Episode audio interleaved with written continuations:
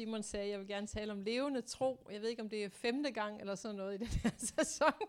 Øhm, nu skal jeg nok sætte et punktum, så vi ikke... Øh, ja, der kan, skal måske være andet på, på tapetet også. Men jeg, jeg håber, I synes, det har været rigtig godt også her i Fredericia at lytte til nogle prædikener omkring levende tro, og at det ikke bare er blevet ved nogle prædikener eller nogle gode ord, men at det rent faktisk bliver omsat til en tro, der er i gang med noget. Og øh, måske noget af det, jeg har hørt før, men det gør ikke så meget, fordi jeg har lagt mærke til, at Guds ord det virker, selvom det er noget, vi har hørt før. Så er det levende dynamisk og øh, taler nogle gange på en ny måde, selvom vi havde hørt det før. Men jeg kan jo godt lide at, klar, at starte med en definition. Ikke? Er nogle af jer, der er studerende, stadigvæk? Der er sådan en halv eller to.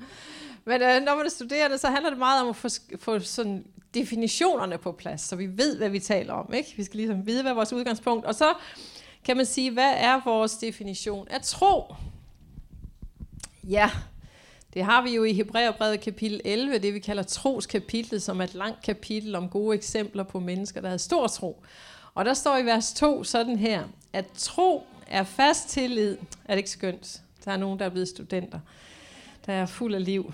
Tro er fast tillid til det, der håbes på. Det er en overbevisning om det, der ses. Ikke ses. Om det, der ikke ses. Tro er fast tillid til det, der håbes på. Og det er overbevisning om det, der ikke ses. Det er fuldstændig, som vi lige har sunget om. At Gud han er i gang, selvom jeg ikke kan se det, selvom jeg ikke mærker det, så er han i gang. Det er i virkeligheden indbegrebet af tro og have tillid til, og have en overbevisning om, at han arbejder, når vi ikke kan se det. Vi, vi har så gør med noget, som er, hvad skal vi sige, ud over det, vi lige kan tage og føle på. Nu nævnte du det med sommeren og solskin og det der. Ikke? Hvor mange af os tror på, at vi får en god, dejlig sommer, dejlig sommervejr? Hvor mange af os har tro til det? Nej, vi håber ikke også. Jeg tror, de fleste af os, vi, vi håber, men den der faste, faste tillid til det, vi håber på, den er måske sådan lidt, ikke? vi har været i Danmark længe nok til at vide, at vi kan blive skuffede.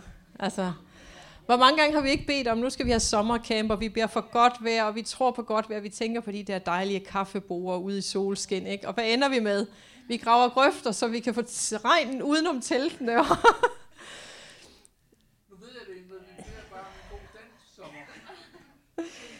så behøver vi slet ikke have tro, nemlig. Nej, vi går sådan og håber, ikke? Er det ikke rigtigt?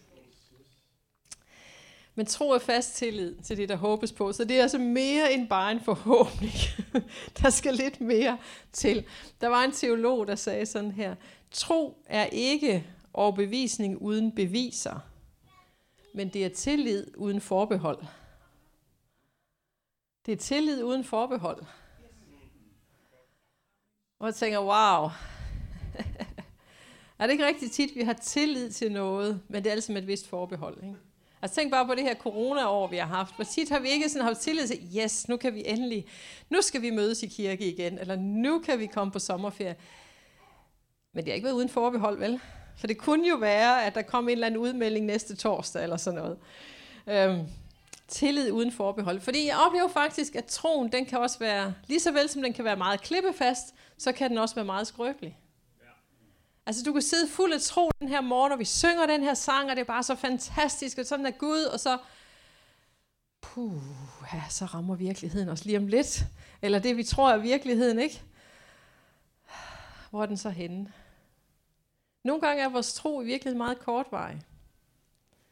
Jeg tror, når Jesus taler om, at vi skal have, at vi har en lille tro, så er det ikke et spørgsmål om, hvor, hvor, hvad skal man sige, hvor vildt vi tror, men det er, hvor kort vi tror, eller hvor langt vi tror. Fordi tit så bliver vores tro noget meget kortvarigt, og ikke noget, der holder ved og holder ved og holder ved. Jeg tror virkelig, at en stor tro, det er en langvarig tro. Mere end det er at tro for det allerstørste mirakel. Men jeg kunne godt tænke mig i dag at tale lidt om to ting. Dels hvor kommer troen fra, og dels hvordan troen får vækst. Hvordan troen får lov til at hvad skal man sige, slå rødder. Blive langveje, kan vi også sige. Fordi hvordan får vi den her tillid? Hvorfra kommer overbevisningen? Der er nogen, der bliver overbevist, fordi de ser beviser, eller i hvert fald ser noget, som sandsynligt gør, men så ved jeg ikke, om det er tro længere. så er det måske styrkelse af en fremtidig tro. Men, igen, jeg som har læst jeres bibel et par gange, vil vide, at i Romerbrevet kapitel 10 står der noget om, hvor tro kommer fra. Tro kommer af hvad? Nogen, der kan huske det? Tro kommer af det, som høres. Det, som høres, og det, der høres, kommer i kraft af Guds Guds ord. Tak for det. Det er et vigtigt skriftsted. Altså, da jeg gik i søndagsskole som barn, der skulle man lære vers udenad. Jeg tror, det her kunne være sådan et lille, sådan en til næste uge, ikke? Romerne 10:17. Troen kommer altså af det, der høres, og det, der høres, kommer af Guds ord. Vi hører, og derfor tror vi. Men skal vi have en rigtig levende tro, så skal vi høre Guds ord. Jeg ved ikke, om du har tænkt på, at det vi hører mest, det er faktisk det, vi selv siger. Og nu er det ikke, fordi jeg er sådan lidt små gammel og går og snakker med mig selv. Men, men det vi selv går og siger, det er vi jo de, den første til at høre, er det ikke rigtigt? Og jeg har bare lært af livet og af Guds ord, at det er enormt vigtigt, hvad jeg siger om mig selv, hvad jeg siger om situationer, hvad jeg siger om det, jeg har tro for. Det er også derfor, når jeg, jeg ved ikke, har I, har I sådan i tidens løb fået et profetisk ord, eller fra en eller anden profet, eller nogen gav jer en opmundring, eller I bare læste noget i selveste Bibelen, som fuldstændig ramte jer og blev til liv, så skriver vi det ned. Er det ikke rigtigt? Det håber jeg, I gør. Så skal det skrives ned, for det skal gemmes. Og det læser jeg igen og igen. Jeg vender tilbage til det igen og igen, fordi det er Guds ord om mig. Hvor jeg er på vej hen, og hvad det er, jeg skal, og hvad han mener om mig. Det er det, jeg har brug for at høre. Altså, jeg kan jo lynhurtigt synke ned i sådan en uh, utilstrækkelighed, eller mismod, eller trust me, det kan jeg også. Og derfor har jeg brug for at læse de ord igen og igen. Er det ikke rigtigt?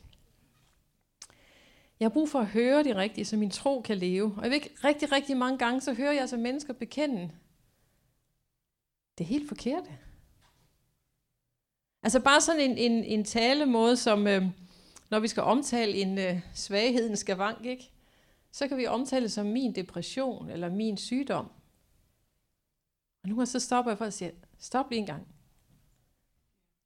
Er det din depression? Er det din sygdom?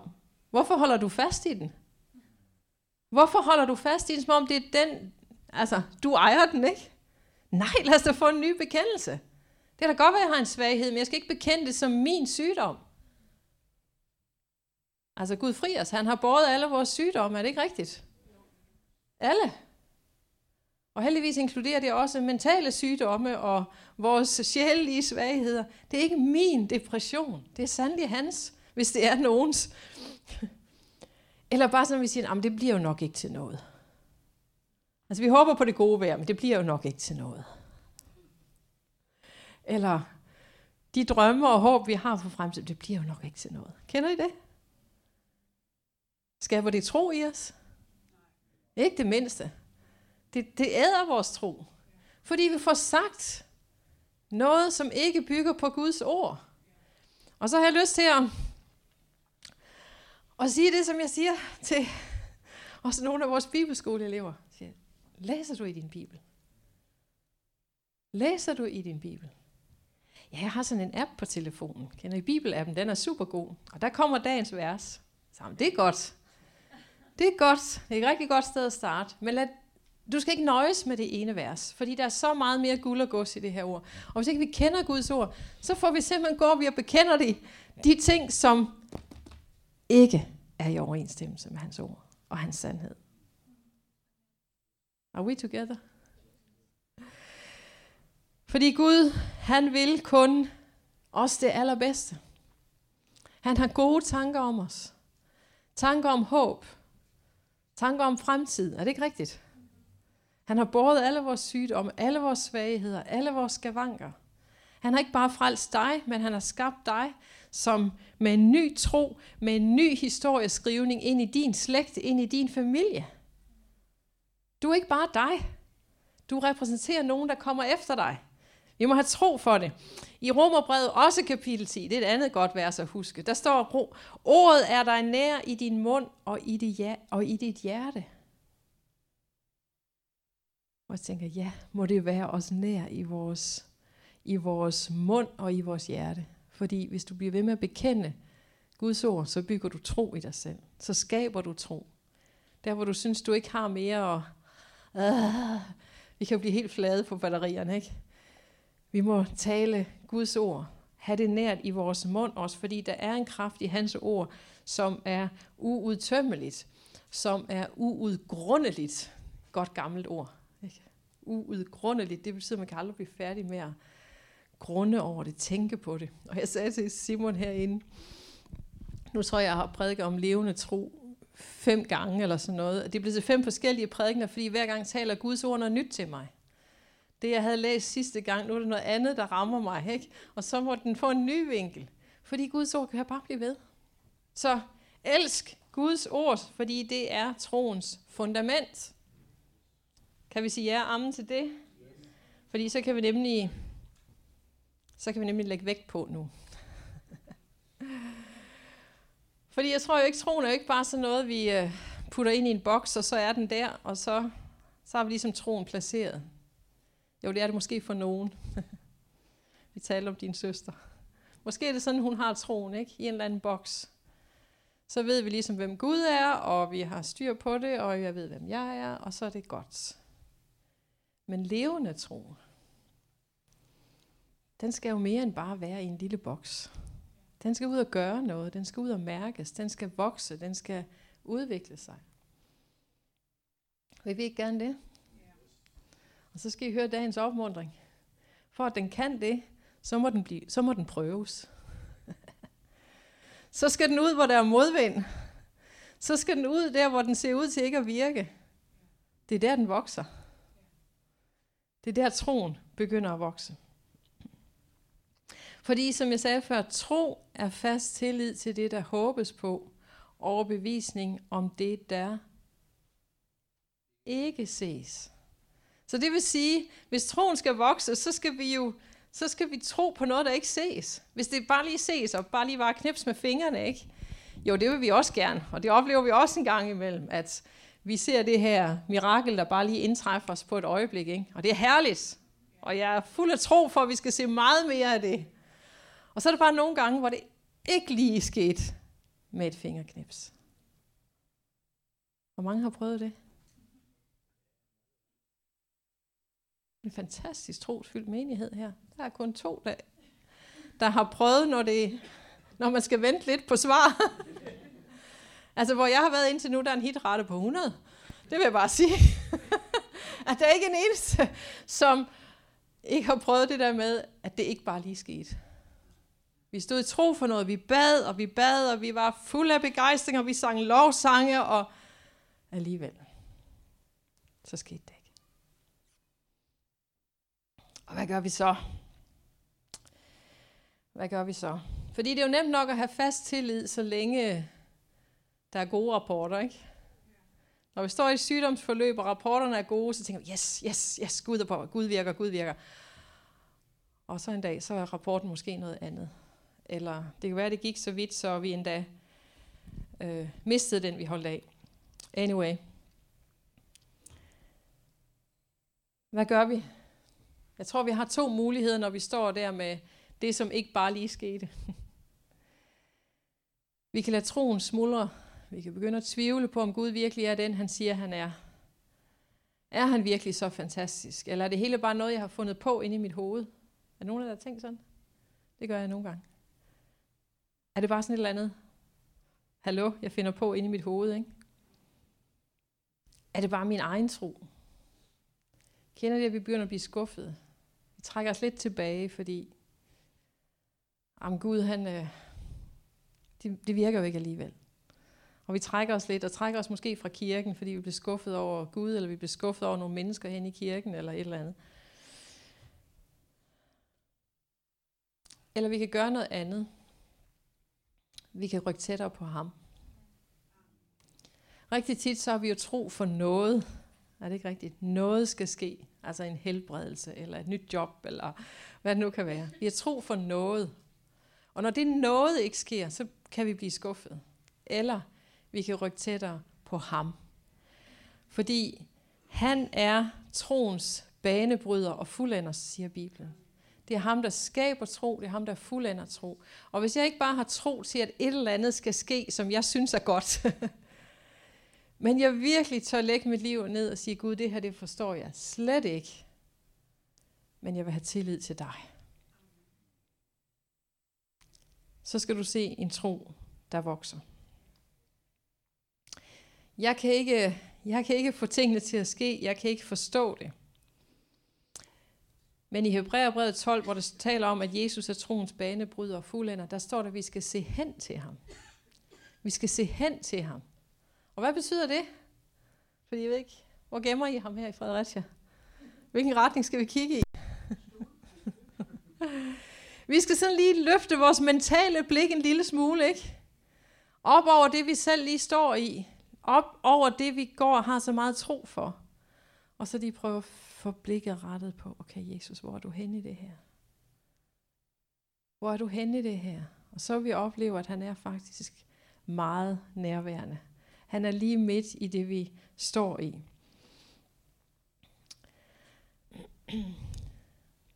Jeg kunne godt have lyst til i dag, og at vi skal kigge lidt på, igen i overført betydning, kigge lidt på en mand, som vi måske kender alle sammen. Hans navn er Job. Job, han har fået en hel bog i det gamle testamente i godt 40 kapitler. Læser vi om Job. Der er nogen, der mener, at Jobs bog var skrevet som et slags teaterstykke, som en, øh, hvad skal vi sige, sådan et, et godt billede på, på vores øh, frustrationer og vores øh, manglende, hvad skal vi sige, ja, forståelse af det, vi står i. Og øh, Job, han var jo en mand, som holdt fast i håbet, som var meget overbevist i sin tro, men som lærte noget helt nyt, da ulykken ramte os, ham. Jeg tror, mange af os kan spejle os i Jobs bog. Der står om ham i det første kapitel, i det første vers, at han var en retskaffen og gudfrygtig mand, der gjorde sit bedste for ikke at synde mod Gud. Er vi ikke der? Er vi ikke der? Kom on. Vi gør alle sammen er det, det er det. Vi gør da alle sammen vores bedste for ikke at synde. Vi har Gud frygtige, det er derfor, I sidder her i dag. Er det ikke det? Det er da fordi, vi er gudfrygtige mennesker, der elsker Gud og gerne vil forstå ham bedre. Vi er fuldstændig ligesom Job. Forskellen var bare, at Job, han, øh, han havde en hel masse mere rigdom, end jeg har i hvert fald. Jeg ved ikke, om vi har så rige mennesker her i Fredericia. Men der står beskrevet, hvordan han havde ikke bare kone og, og jeg tror 10 børn, mange børn i hvert fald. Og jeg lige slå op, så jeg ikke sidder og fylder jer med noget, der ikke passer. Han havde enormt meget rigdom. Han havde øh, syv sønner og tre døtre. Det giver da 10, ja. Han var meget rig. 7.000 får, 3.000 kameler, 500 par okser og 500 hundæsler og en masse tjenestefolk. Han var faktisk den rigeste i området øst for Israel. Han havde simpelthen alt, hvad hjertet kan begære. Og han elskede Gud, og han var lige så gudfrygtig som alle os, der sidder her. Og så sker der det en dag, at der er sådan et øh, lille møde op i himlen, og englene kommer frem for Gud og snakker lidt, og så er der den her engel, der hedder Satan, som siger, skal vi ikke lige kigge lidt ned på jorden? Jo, siger Gud. Har du lagt mærke til Job? Han er simpelthen mit pragteksemplar. Ja, ja, siger Satan så. Selvfølgelig er han da det. Du har jo givet ham alt, hvad han peger på, alt, hvad han har brug for. Det har han jo. Så selvfølgelig er han dit pragteksemplar. Hvad tror, der vil ske, hvis vi pillede det fra ham. Og det gik Gud ham lov til at prøve. Og i løbet af en dag, så har Job mistet al sin rigdom. Han har mistet alle sine familiemedlemmer. Stort set, han har kun sig selv og så sin kone tilbage. Hun er ikke til meget hjælp, fordi hun siger bare til ham, helt ærligt Job, skal du ikke droppe det med Gud? Det virker jo ikke. Du kan se, han er ikke meget til hjælp til dig. Men øh, heldigvis lytter Job ikke til sin kone i det tilfælde der. Og så siger Satan, at ved du hvad, han har jo stadigvæk sit gode helbred. Og så mister han sit gode helbred, og så sidder han der i skidtet med byller over hele kroppen og skraber og er i pine. Der sidder Job. Afpillet, afmægtig. Og til trods for alt det, så står der faktisk i slutningen af kapitel 1, på trods af denne tragedie syndede Job ikke. Han anklagede ikke Gud for det, der var sket. Jeg tænkte, wow. Hvilken troens mand, ikke? Og så går de næste mange kapitler faktisk, op til cirka 30 kapitler, med at Job sidder og diskuterer med sine tre såkaldte venner om, hvorfor er det her sket? Jeg har jo ikke gjort noget forkert, så hvorfor skal alt det her ramme mig? Kender vi det? Vi vil så gerne have mening, ikke? Vi vil gerne forstå, hvorfor skal jeg alt det her igennem? Hvorfor skal min familie lide så meget? Hvorfor, hvorfor, hvorfor? For vi vil have mening. Og i den der lange dialog og frem og tilbage, der bliver jo ved med at påstå, jeg har ikke gjort noget forkert. Og vennerne siger, selvfølgelig har du gjort noget forkert. Det her, det må være Guds straf. Nej, det er ikke Guds straf. Og de sidder der og kommer ikke rigtig nogen vegne. Og jo bliver modløs, selvfølgelig gør han det. Det er ikke sådan, han anklager Gud, men han synes i hvert fald, det hele er meget urimeligt, og han skælder ud på Gud og på mennesker. Og det er jo også uretfærdigt. Er det ikke det? Det er jo ikke Jobs fejl, vel? Og så i slutningen af Jobs bog, så kommer der en fjerde på banen. Han hedder Elihu. Han er lidt mere fornuft. Han er yngre end alle de andre, men han er mere fornuftig. Og han prøver at bringe et andet perspektiv ind. Han prøver at minde Job om Guds storhed og Guds visdom. Han opgiver sådan set at finde sammenhæng. Han opgiver at finde mening. Og i stedet for så taler han om, hvem Gud er. Og så langt om længe i kapitel 38, så begynder Gud at sige noget. Gud taler, men det sjove er, at han taler faktisk ikke ret meget om Jobs situation. Men hans første, hans åbningsreplik, jeg synes, den er så fantastisk, så siger han, så siger Gud sådan her, Job, hvorfra kender du mine tanker, når du knap nok ved, hvem jeg er? Hvorfra kender du mine tanker, når du knap nok ved, hvem jeg er? Den ramte mig et eller andet sted. Fordi tit og mange gange tror vi, vi kender Gud, ikke? Vi forstår ham. Og vi forstår også noget. Vi har set noget, vi har erfaret noget, vi har oplevet ham. Det er jo derfor, vi priser ham. Det er derfor, vi tør proklamere det, vi lige har gjort i vores lovsang. Men kender du mig til fulde? Ved du virkelig, hvem jeg er? Mange mennesker tror, de kender Guds tanker. Men vi kender ham aldrig fuldt ud.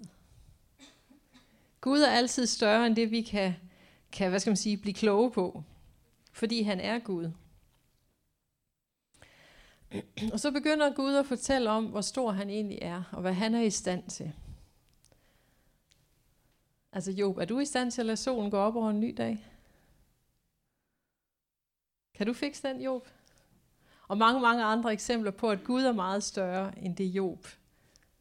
En Jobs lille verden her. Og så siger Gud i kapitel 40, er du stadig parat til at anklage mig?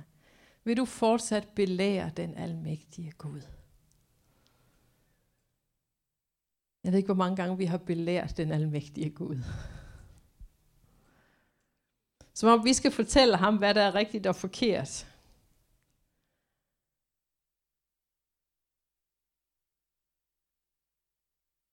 Vil du fortsat belære den almægtige Gud? Jeg tror, der er nogen her i dag, som bærer på skuffelser og bitterhed over for Gud, over hvordan det gik. Som igen og igen derfor belærer Gud. Fordi vi bærer en eller anden skuffelse over, hvordan han ikke gjorde, da han ikke greb ind. Vi bærer en skuffelse over det, der skete med enten os selv eller nogen, vi kender, nogen af vores nærmeste. Og vi holder fast i det. Jeg tror, i dag skal du få lov til at give slip på den skuffelse. Giv slip på at belære Gud. Og så lad Gud være Gud. For det er det, han er, og jeg bliver aldrig Gud. Jeg bliver aldrig Gud, og jeg behøver ikke forstå det hele til bunds. Og det får da også Job til at bøje sig i erkendelsen af, at han faktisk slet, slet ikke kan måle sig med Gud. Og han siger i kapitel 42, da, da hvad skal man sige, beretningen nærmer sig sin afslutning, så siger Job sådan her. Det eneste svar, jeg kan give, siger han i kapitel 42, vers 5 og 6. Det eneste svar, jeg kan give er, før havde jeg kun hørt om dig. Nu har jeg set dig med egne øjne. Hvad jeg har sagt, tager jeg i mig igen. Jeg angrer skamfuldt i støv og aske. Job nåede til et punkt, hvor han bare måtte sige, jeg holder op med at forklare. Jeg holder op med at prøve at finde sammenhæng og mening. Jeg opgiver ikke min tro på den almægtige Gud. Og han opgav ikke håbet om, at Gud kunne udfri ham. Men han måtte bare overgive sin egen liv, sin egen, kan vi sige, tro til Gud. Læg den ned og sige, Gud, jeg forstår det ikke, men jeg har tillid til, at du er større. Jeg har tillid til, at det du gør er rigtigt. Jeg har tillid til, at uanset hvad jeg må igennem her og nu, så er du nærværende, så er du med mig, så forlader du mig ikke, så er du lige her, hvor jeg er. Er det ikke netop det, at han er nærværende i vores vanskeligheder, i vores prøvelser, i der, hvor, vi, hvor troen bliver strukket, hvor troen ligesom vokses, tvunget eller utvunget, ikke? At der er han nærværende. Og nogle gange kræver det bare, at vi siger, hjælp mig Gud. Hjælp mig. Eller vi siger tak. Job endte så med og få meget mere, end han startede med. Han fik sit gode helbred, han beholdt sin kone, han fik en masse nye børn, og han fik dobbelt så meget rigdom. Men jeg tror ikke, det er pointen i Jobs bog. Jeg tror, pointen i Jobs bog er, at Job fik en ny åbenbaring af, en ny forståelse af, hvem Gud er. Det er det, der er pointen i Jobs bog. At når troen bliver prøvet, så skal vi ikke lade den smuldre, så skal vi ikke opgive håbet, så skal vi ikke begynde at tvivle på det, som vi egentlig håbede på, men i stedet for, så søger vi tættere på ham. I stedet for, så holder vi fast i hans løfter, de løfter, han giver i sit ord. I stedet for at prøve at forstå, hvorfor det eller det er sket, så prøver vi at forstå ham. Peter, som var en af Jesu nærmeste disciple og en af mine helte, jeg er vild med ham og prædiker og underviser gerne om ham. Han siger kort før sin død i 2. Peters brev, kapitel 3, han slutter kap, øh, hvad hedder det, hele brevet med sådan her. Nej, I skal vokse i jeres forståelse af Guds nåde og i kendskabet til vores frels, Herre og frelser, Jesus Kristus. Fik I den? Så en afslutning på sit liv og give videre, ikke? I skal vokse i jeres forståelse af hvad? Af Guds nåde. Hvad er nåde? Ja, hvad er det for noget? Det er alt det, vi har fået, som vi ikke har fortjent. Det er alt det, som Gud giver os, uanset hvad vi har ellers bedrevet og ikke bedrevet. Vores menneskelige natur vil så gerne gøre noget for at få noget. Men sådan fungerer nåden ikke. Nåden det er der, hvor vi opdager, at vi selv kommer til kort. Ligesom Job. Der, hvor jeg ikke selv slår til, selvom jeg har gjort, hvad jeg kunne for at leve et godt liv og ikke synde. Det måler sig slet, slet ikke med Guds storhed. Og jo længere jeg lever, jo mere forstår jeg, at jeg har brug for Guds nåde. For min egen ihærdighed for at gøre det rigtige er slet ikke nok. Gud er far beyond. Så vi skal vokse i vores forståelse af Guds nåde, og hvad? I kendskabet til vores Herre og Frelser, Jesus Kristus. Må vores tro vokse, når vi ser ham gribe ind. Må vores tro vokse, når vi ser miraklerne ske på et øjeblik. Men må vores tro blive langvej. Må vores tro blive stor og langvej.